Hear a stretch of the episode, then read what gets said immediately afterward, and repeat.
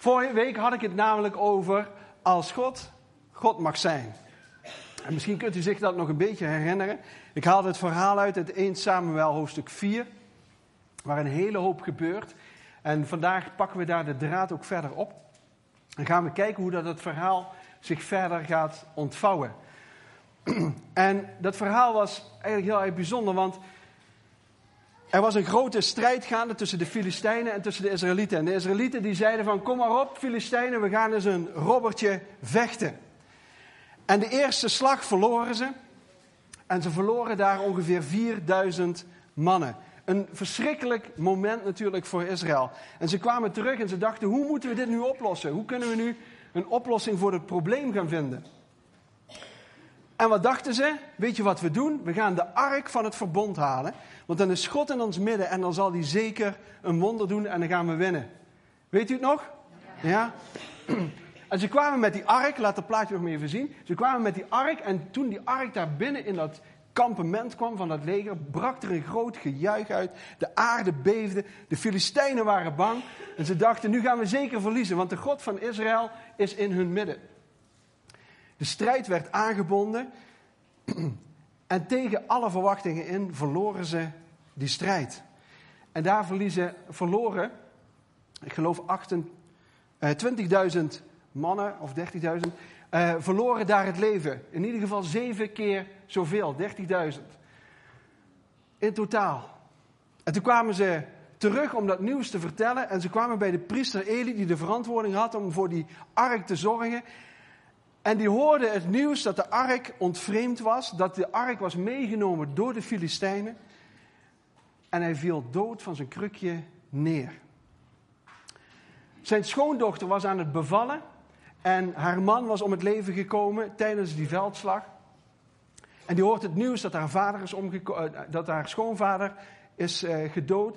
Ze hoort het nieuws dat het Israël de slag heeft verloren. Dat ze de ark kwijt zijn. Ze hoort dat haar schoonvader is overleden.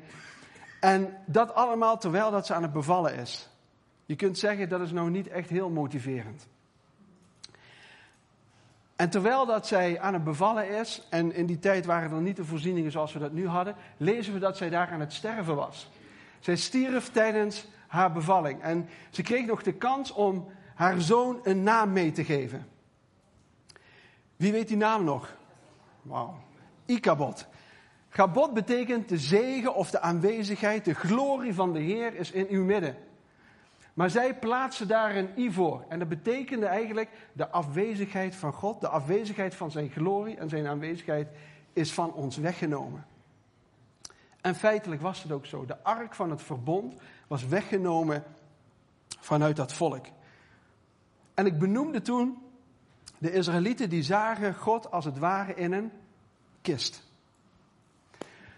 Zij dachten als we God nu in dat kistje meenemen, dan nemen we mee naar de plek waar dat onze strijd is en dan gaan we zorgen dat we daar zeker de overwinning gaan boeken. En toen prikkelde ik onszelf en ook mijzelf. Vaak is het zo dat we God in een kist hebben gedaan. Dat we denken dat hij op een bepaalde manier zal reageren, dat hij op een bepaalde manier zal handelen. En dat dat juist is en dat dat goed is. En in die flow ga ik mee.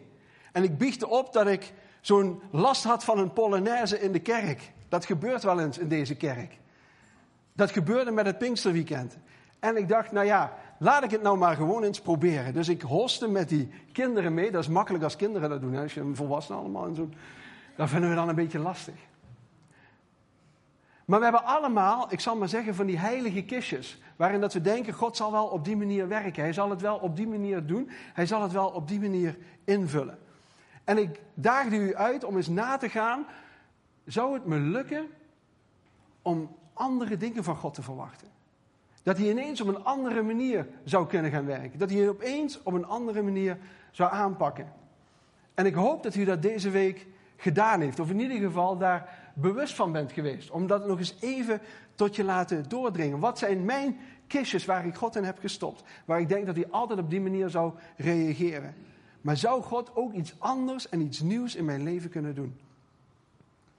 En dat is spannend. Dat is spannend om dat te doen. Um, want dan moet je iets van jezelf loslaten en dan moet je iets van God binnenlaten. En op het moment dat we dat doen, dan zullen we zien dat, dat God zijn werk kan gaan doen en dat hij dingen kan gaan doen. En vorige keer had ik het dus erover als God God mag zijn. Als we de kleine God die we vaak voor onszelf zo gemaakt hebben, wat zou het toch prachtig zijn als we God wat meer God met een hoofdletter G laten zijn in ons leven. Dat hij allerlei facetten in jouw leven mag beïnvloeden en mag sturen en daar deel van mag zijn. En dat je zelf vertrouwt in een Polonaise. um, maar misschien zegt u ja, ik ben wel meer van de Polonaise. Nou, misschien moet u dan eens wat meer de stilte opzoeken. Of misschien moet u zichzelf dan eens wat meer afsluiten, devoot zijn. Um, sommige mensen hebben daar heel veel last van om stil te zijn. Die, ze noemen dat ook wel de overdovende, het overdovende lawaai van de stilte. En vandaag wil ik het met u hebben over de God die overwint. Over de God die overwint. Ik geloof namelijk dat wij een God hebben die altijd wint. Het kan wel eens zo zijn dat er een situatie is waarin dat de slag gemist wordt, of dat een afslag gemist wordt, maar aan het eind zal God altijd winnen. Wij zijn aan het winnende team. Wij zijn aan het winnende team. In Openbaringen 21, daar staat dat God uiteindelijk alles nieuw maakt en dat hij alles zal onderwerpen onder zijn wil. Hij zal uiteindelijk winnen. Alleen is het zo dat we in dit leven wel eens te maken hebben met verschillende slagen die in ons leven geslagen worden, waar dat we mee om moeten gaan. Maar ik wil vandaag met u spreken over de God die wint. Nou, ik denk dat ik iedereen nu wel een beetje heb bijgeschakeld van, uh, van vorige week. God in de kist, even uit die kist halen. Zorgen dat we hem groter zien dan dat je hem ooit van tevoren had mogelijk gehouden. Alle ideeën die je over God had gehad, ze zijn toch te beperkt. Weet je wel, het past alleen maar in jouw bovenkamer. En de ene bovenkamer is iets groter dan de andere. Sommigen hebben een iets grotere. Ja, dan de ander. Maar ik zou u willen uitdagen om God niet in dat kistje te stoppen, maar hem is eigenlijk de ruimte te laten in uw leven. En we gaan het verhaal oppakken waar we het de vorige keer hebben gelaten. U moet zich dus voorstellen dat het hele volk van Israël is een totale ontreddering. Ze weten niet wat ze moeten doen. Hun, ik zal maar zeggen, hun nationale symbool, dat was de ark van het verbond, laten we nog maar eens zien. Dat was hun symbool. Dat onderscheidde hun volk van alle andere volkeren om hen heen. Want zij waren het volk wat de God van Israël had. Zij waren de, het volk, en daarom stonden ze bekend, die waren bevrijd uit Egypte. En deze ark, dat was de, ja, de aanwezigheid van de Heere God in dat volk. En nu was die ark weg. Hij was verdwenen. U kunt zich voorstellen dat afgezien van het verlies wat er is geleden aan het leger, afgezien wat het, het verlies heeft geleden aan zo'n priesterfamilie, dat dat moment ontzettend groot was. Laten we dat stukje verder lezen. 1 Samuel hoofdstuk 5.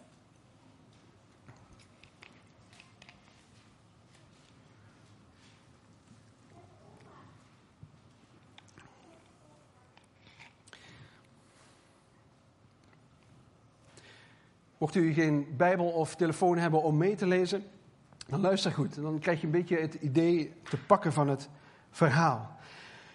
De ark van God, die bij Ebenezer door de Filistijnen was buitgemaakt, werd overgebracht naar Asdod.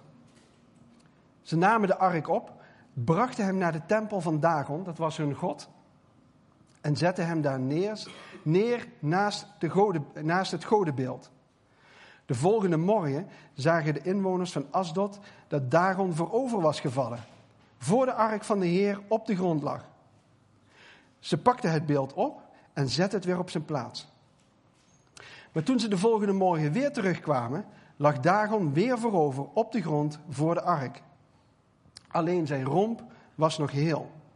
Zijn hoofd en zijn handen lagen er afgehakt op de drempel. Daarom durfden de priesters van Dagon en alle anderen die naar de tempel eh, komen, deze drempel tot op de dag van vandaag niet te betreden. De Heer pakte de inwoners van Asdod hard aan. Hij zaaide paniek en trof alle inwoners van het vorstendom met aanbijen. Dat is een rare straf. In sommige vertalingen staat er gezwellen, in sommige vertalingen staat er eh, tumoren of bulten. Maar in de nieuwe Bijbelvertaling, en het, ik, heb, ik heb het er echt op nageslagen, blijkt het het beste vertaald te zijn. Hij trof het volk met aanbijen. Toen de burgers van Asdod zagen hoe het ervoor stond, zeiden ze: De ark van, God, van de God van Israël kan hier niet blijven, want hij treedt met harde hand op tegen ons en onze God Dagon. Nou, dan komt er nog een hele riedel achteraan. Die, um, die ark die wordt verplaatst naar verschillende steden, er zijn vijf steden. En er wordt naar elke stad gebracht en in elke stad gebeurt precies hetzelfde. Het leuke is trouwens, dat vind ik wel een beetje humor voor de Nederlandse Bijbel, dat de eerstvolgende stad waar dat hij naartoe gaat, heet Gat. Vind ik leuk. Vind ik leuk. ja, daar sta je dan met je aanbijen. Even de setting. U moet zich voorstellen, de Filistijnen dachten dat ze aan de verliezende hand zouden zijn. Zij dachten dat ze uh, het zouden afleggen tegen de God van Israël, tegen het volk, tegen het leger dat tegenover hen stond. En ze wonnen. Intens blij waren ze. Ze waren bijna Ronaldo blij. Heeft iemand het gisteren gezien? Er werd een penalty geschoten. Hij moest de laatste, het laatste schot nemen. En hij schiet hem zo, uh, uh, ik geloof een beetje aan de rechterkant bovenin. En daarmee won Real Madrid de Champions League. En wat ik dan niet helemaal begrijp, is dat als ze dan gaan juichen, dat ze hun shirt uitdoen. De dames denken, nou bij Ronaldo mag dat misschien wel. Stel je nou eens voor dat je een goede deal op je werk hebt gedaan en dat je zegt, yes! Beetje raar toch? Beetje raar. Maar ik zal zeggen, dit, dit volk, de Filistijnen, waren Ronaldo blij. Ze waren zo blij dat ze feesten, want ze hadden de God van Israël hadden ze overwonnen. En ze hadden de ark buitgemaakt. Ze hadden het leger verslagen. Er kon eigenlijk niets misgaan. Iedereen ging naar bed toe. Moe van de hele avond en nacht feesten. Ze komen de volgende ochtend in die tempel. En ze kijken hoe is het met die ark gesteld. Maar daar ligt die afgod van hun, van de zijn pilaar af, zo met zijn neus op de grond. Ik kan me voorstellen dat je dan een wat onbehagelijk gevoel krijgt. Hij ligt dus niet gewoon op zijn zij of hij is een beetje scheef gaan hangen. Nee, hij ligt met zijn neus plat op de grond voor de ark van het verbond. Dat geeft toch een beetje een gek idee. Ze stoffen hem wat op, ze tillen hem omhoog, zetten hem terug op de pilaar en gaan weer verder met het feest. Want ze hadden gewonnen van de Israëlieten. Het feest voltrekt zich, het wordt weer nacht, het begint weer donker te worden. Die eh, priesters die knippen het licht uit in de tempel. En je hoort die God Aasdot al denken, daar gaan we weer. Daar ligt hij. Zijn armen eraf, zijn hoofd eraf. Hij, alleen zijn romp is nog over. Die priesters die komen daarna terug en die denken, ja, dit ziet er niet goed uit. Dit ziet er niet goed uit. En vervolgens worden ze getroffen met plagen. Ze krijgen die aanbijen. En uh, er staat in een uh, andere vertaling of iets verder door staat ook nog dat er een hele muizenplaag kwam. Dus er was een plaag aan hunzelf en was een plaag aan hun omgeving. God laat hier zien in vers 6 dat er niet met hem te sollen valt. God zorgt wel voor zichzelf. Ook al kon het volk dat niet meer doen, ook al konden ze die ark niet meer beschermen, God die zorgde wel voor zichzelf. Hij gaat daar bovenuit. Het bijzondere is dat wij soms God in een kist kunnen plaatsen en dat we denken van ja, ja, hij zal op die manier handelen. Maar de vijand doet dat precies hetzelfde. Ook hij denkt dat hij God kan beperken. Hij denkt dat hij God kan dwarszetten. Hij denkt dat hij God op een bepaalde manier kan beïnvloeden.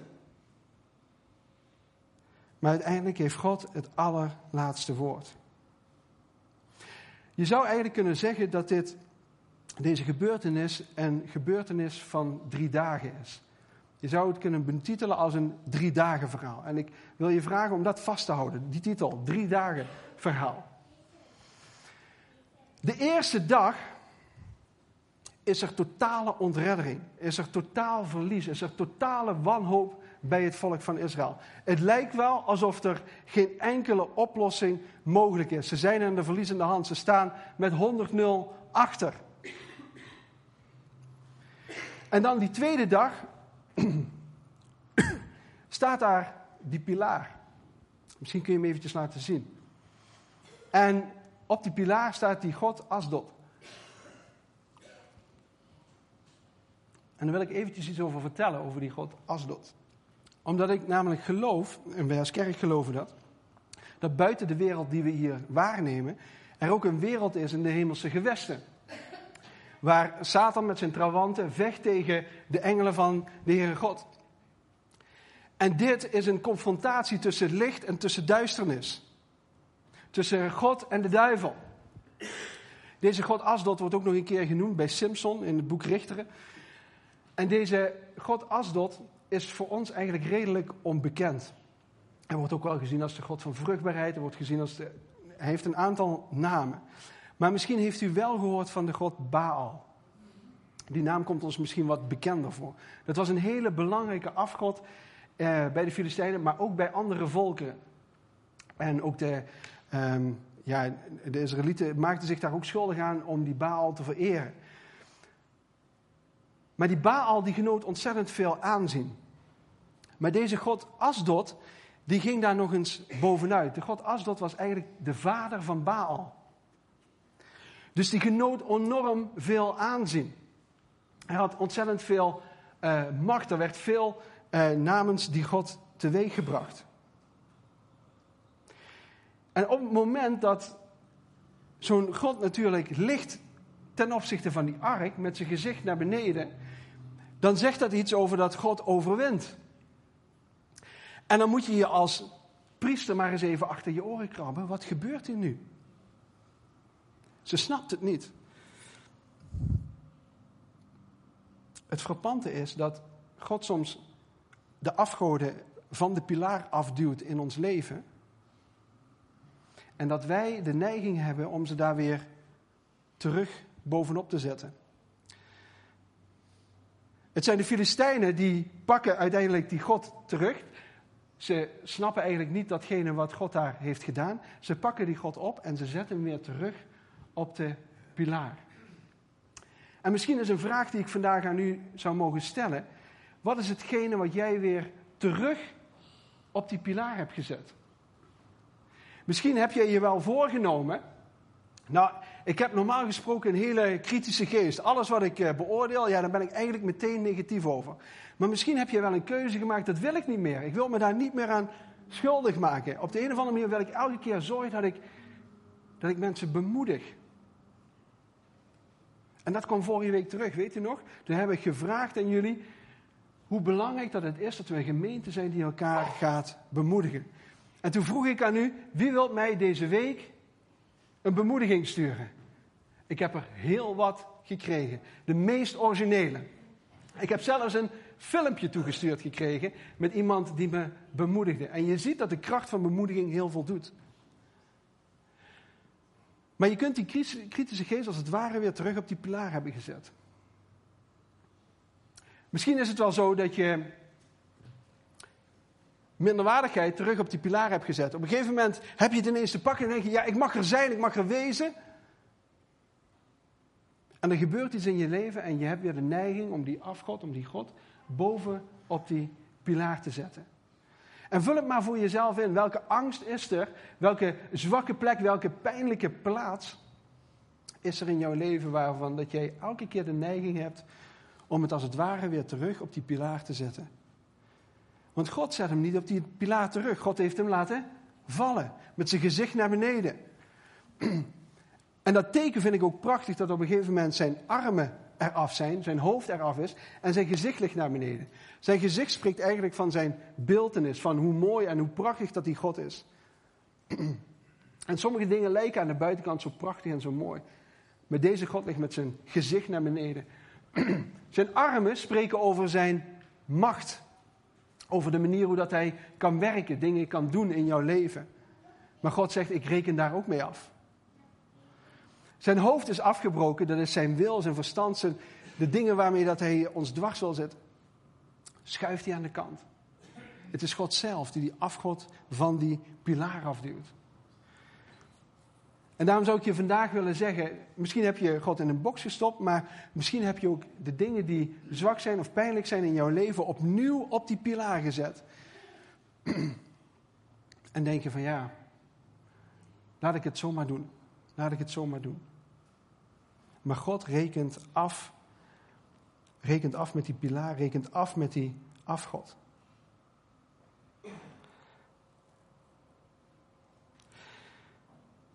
En dan komt er de derde dag.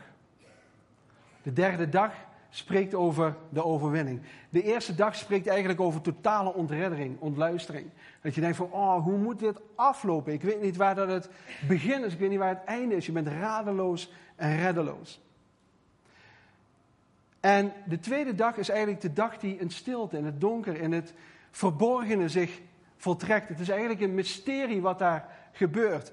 Ik had best wel in die tempel eens even willen kijken. Zo, of ze bewakingsbeelden hadden. En dat, ze, je eens even kon kijken, wat is er nou precies gebeurd? Is er nou een engel gekomen? Uh, hoe zal dat zijn gegaan? Maar God is, en dat vond ik zo mooi. De Israëlieten konden niks doen. Die waren met hun eigen verdriet bezig en met hun eigen verlies bezig. Herkenbaar hè, voor ons allemaal dat we dat wel eens hebben. Maar God is achter de schermen bezig om de boel te regelen, om de boel op de goede manier neer te zetten. En de tweede dag is dus van het mysterie, van het onbekende, dat we niet weten wat er gaat gebeuren. En die derde dag, dat is de dag van de overwinning.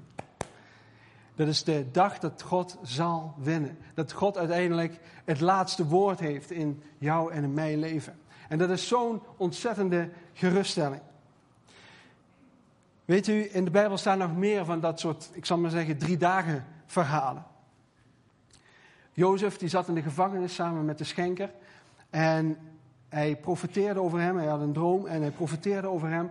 Jij zult binnen drie dagen hersteld worden in jouw ambt en je zult een hoge functie betreden.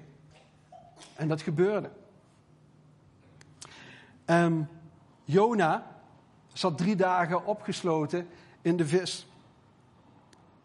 Ik denk dat hij blij is dat hij niet aan de achterkant eruit kwam, maar aan de voorkant. Maar dat was een dag waarin dat hij niet wist wat er ging gebeuren.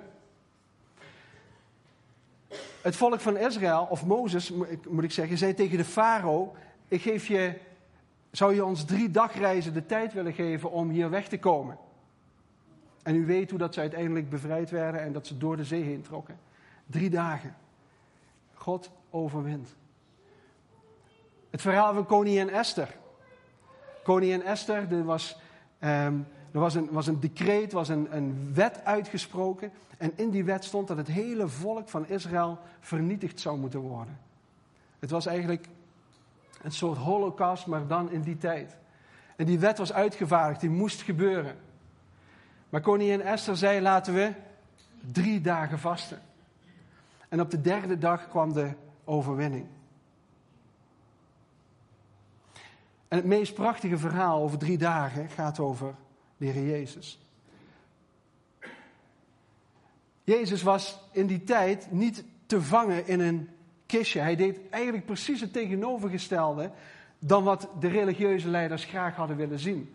Hij deed precies anders dan dat ze hadden verwacht. De politieke leiders konden hem niet vangen, de geestelijke leiders konden hem niet vangen. De mensen begrepen hem niet, maar wat was het aan hem? Ze begrepen het niet. En Jezus werd weggenomen van de discipelen, van zijn vrienden. En ik kan me voorstellen dat bij die, bij die vrienden, bij die discipelen, dat daar totale ontreddering plaatsvond. Dit was toch degene die ons zou bevrijden? Dit zou toch degene zijn die een oplossing zou brengen in onze situatie? En daar werd hij gevangen genomen, geslagen aan het kruis. Alles leek reddeloos verloren. En de tweede dag voltrok zich in totale afzondering, in stilte, in het graf. Pontius Pilatus zorgde nog dat er twee bewakers waren. En hij zorgde dat er niks kon gebeuren. Maar God heeft het laatste woord. God heeft het laatste woord. En uiteindelijk stond hij op op die derde dag. En vorige week heb ik eh, een beetje de zaal ingelopen. Dat wil ik nu eigenlijk ook doen.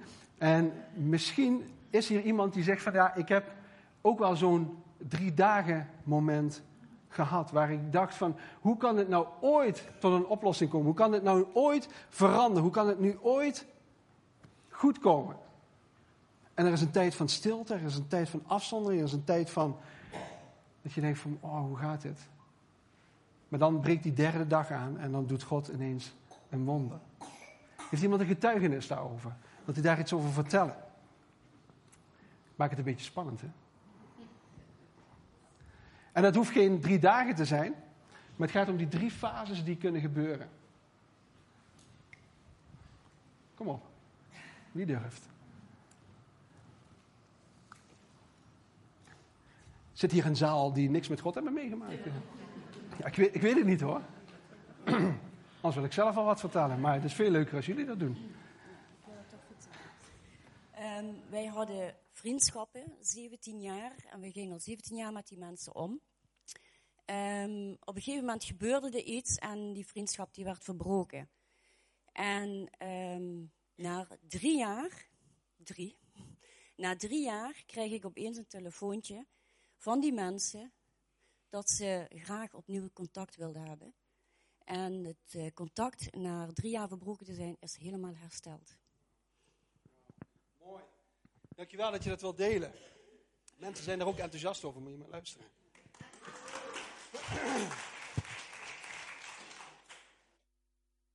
Daarover verteld.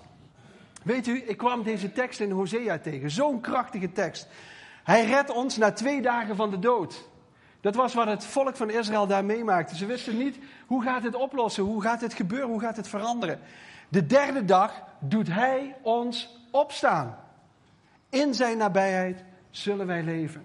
Dat is de belofte van de Vader. Dat is de belofte dat hij voor ons zal zorgen. Dat is de belofte die hij nabij zal zijn. Iemand anders nog een voorbeeld. Ik vind het leuk om dat eventjes... Ja, ik, ik schiet je dat... Ik, maak het een beetje spannend natuurlijk. Ik zie sommige mensen wegduiken. Mij niet, mij niet, mij niet. Wauw, super. Even kijken. Weet u waarom ik dat vraag? Omdat het zo belangrijk is om elkaars getuigenissen te horen. Omdat het je geloof bouwt. Dat je weet dat God in, niet alleen in jouw leven werkt, maar uh, ook in mijn leven en in jouw leven. Ja. Nou, het heeft niet, totaal niets met drie dagen te maken. Het heeft te maken met deze dienst. En uh, uh, hoe heet ze? Wat zo'n die noemde de tekst, hij die belooft is getrouw. Ja. En uh, die tekst die heeft God mij ooit gegeven. Met betrekking tot een kleinkind. En dat deed me best wel pijn. Dat hun uh, in principe hun kindje opdroegen vanmorgen. En ik kon niet blij zijn voor hun. En ik had zoiets, heer, ik wil er op dit moment mee afrekenen. En, uh, ik ben echt vanuit de diep van mijn ziel ben ik gaan bidden voor dat kindje. En ik heb mezelf ook vrijgezet op dit moment. Wow. Hij die belooft is getrouw. Het hoeft niet te zijn wat ik wens. Maar datgene wat God zijn wil is. Ja. Het is wel pijnlijk, maar ik had iets, ik wil het wel delen. Ja, het is heel belangrijk dat je dat deelt. Omdat, weet je wat het is? Zolang dat wij hier nog op aarde zijn, leven we eigenlijk in de tweede dag. Het is eigenlijk zo dat we de dingen nog niet goed kunnen waarnemen, dat we dingen nog niet goed kunnen zien. Maar dat we eigenlijk in verwachting zijn van die derde dag. Die derde dag dat God die overwinning geeft. Die derde dag dat God het een shift gaat maken, dat hij de dingen gaat veranderen. En er zijn ook verhalen van 40 hè, in de Bijbel. Dat gaat over afzondering. Dat gaat over een stuk vorming, een stuk. Um, ja, ik zou maar zeggen dat je ergens doorheen moet, een stuk lijden. Maar die drie dagen verhalen gaat eigenlijk over verhalen die meer in de, in de snelkookpan zitten. Dat in één keer bam iets gebeurt waar God ten tonele verschijnt en waar dat hij een wonder doet.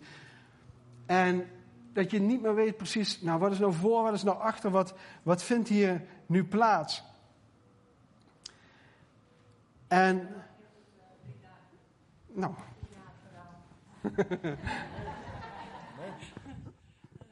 Toen uh, broeder Wim overleed, was het ook, uh, ja, voor, ook voor de gemeente was het uh, een bom. En toen heeft het inderdaad drie jaar geduurd en toen kwam Bart. Dat is wel bijzonder, ja. ja. Weet u, ik wil graag verrast worden door God. En dat vind ik soms een beetje spannend en dat vind ik soms een beetje eng. Want God heeft die derde dagoplossing, is altijd een oplossing die wij zelf niet verwachten. Want wie had van het volk van Israël ooit kunnen bedenken dat dit in die tempel zou gebeuren? God is een expert in unieke oplossingen. Hij is een expert in dingen net anders doen dan dat wij dat zelf hebben verwacht of hoe dat wij dat zelf hebben beleefd. En ik heb hier in mijn Bijbel geschreven: God overtreft onze hoop. Je hoopt vaak op iets dat er een situatie zal veranderen. Je hoopt vaak dat een situatie zal verbeteren. Maar hoeveel hebben niet gemerkt dat datgene waar dat je op hoopt, dat God daar nog eens bovenuit gaat? Dat hij meer doet dan dat jij verwacht. Dat hij meer doet dan dat jij voor gevraagd hebt. Of meer doet dan dat je misschien zelf ingebracht of gegeven hebt. God gaat daar bovenuit. En daarom is het de God die wint. En ik heb zo'n prachtige kroon daarvoor gekozen, omdat ik vind dat, dat God de koning is die altijd wint. Maar het verhaal van die drie dagen gaat over de drie dagen die we dankzij de Heer Jezus mogen hebben. Dat we de opstanding hebben. En dat was een andere kroon. En dat was de kroon van overwinning. De kroon van victorie. En alles leek afgeschreven. Iedereen leek reddeloos verloren. Ze zagen Jezus aan het kruis hangen. Iedereen dacht, dit gaat nooit meer iets worden. Maar God deed meer dan dat ze hadden verwacht. Hij ging boven hun verwachting uit. Hij ging boven hun probleem uit. Hij ging boven hun situatie uit. En dat is ook wat ik ons toebid, wat ik jou toebid, wat ik u zou willen toebidden. God doet boven jouw verwachting uit. Als je een bepaalde verwachting van God hebt, tot hier, nou, hij gaat er nog bovenuit. Hij doet meer, hij doet uiteindelijk veel meer dan dat wij zelf zouden verwachten. Amen. Amen. Bent, kom naar voren.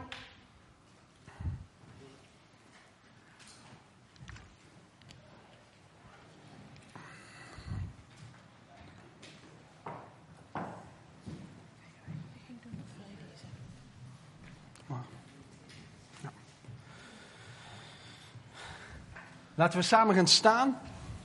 En dan gaan we een lied zingen.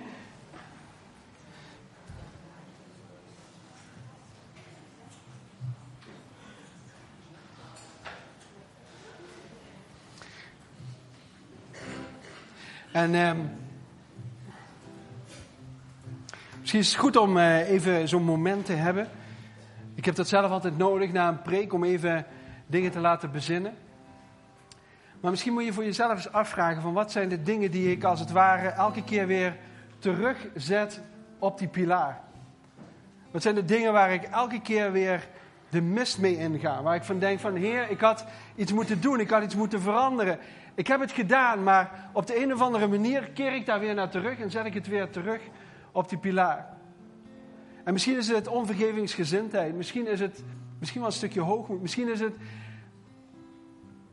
wat ik zei, een kritische geest. Misschien is het je vrijgevigheid. Misschien vul het allemaal maar in. Maar er zijn dingen die we op de een of andere manier niet God terugzetten op die pilaar, maar die je zelf zet. En misschien zijn er ook wel situaties in jouw leven waarin dat God als het ware zo'n drie dagen wonder moet doen. Waar dat je denkt, Heer, ik, ik weet het niet, ik snap het niet, ik weet niet wat er moet gebeuren. Maar ik wil echt op u vertrouwen. Ook al leef ik nu in die tweede dag, ook al zie ik het nog niet gebeuren, ook al lijkt het wel een mysterie. Vader, ik wil u vragen of u een wonder doet, wat mijn gedachte daar ver, ver, ver bovenuit gaat. Misschien is het goed dat we daar even een moment stil voor zijn en dat we dan een heerlijk lied gaan zingen, waarin we God groot maken. Laten we een moment stil zijn.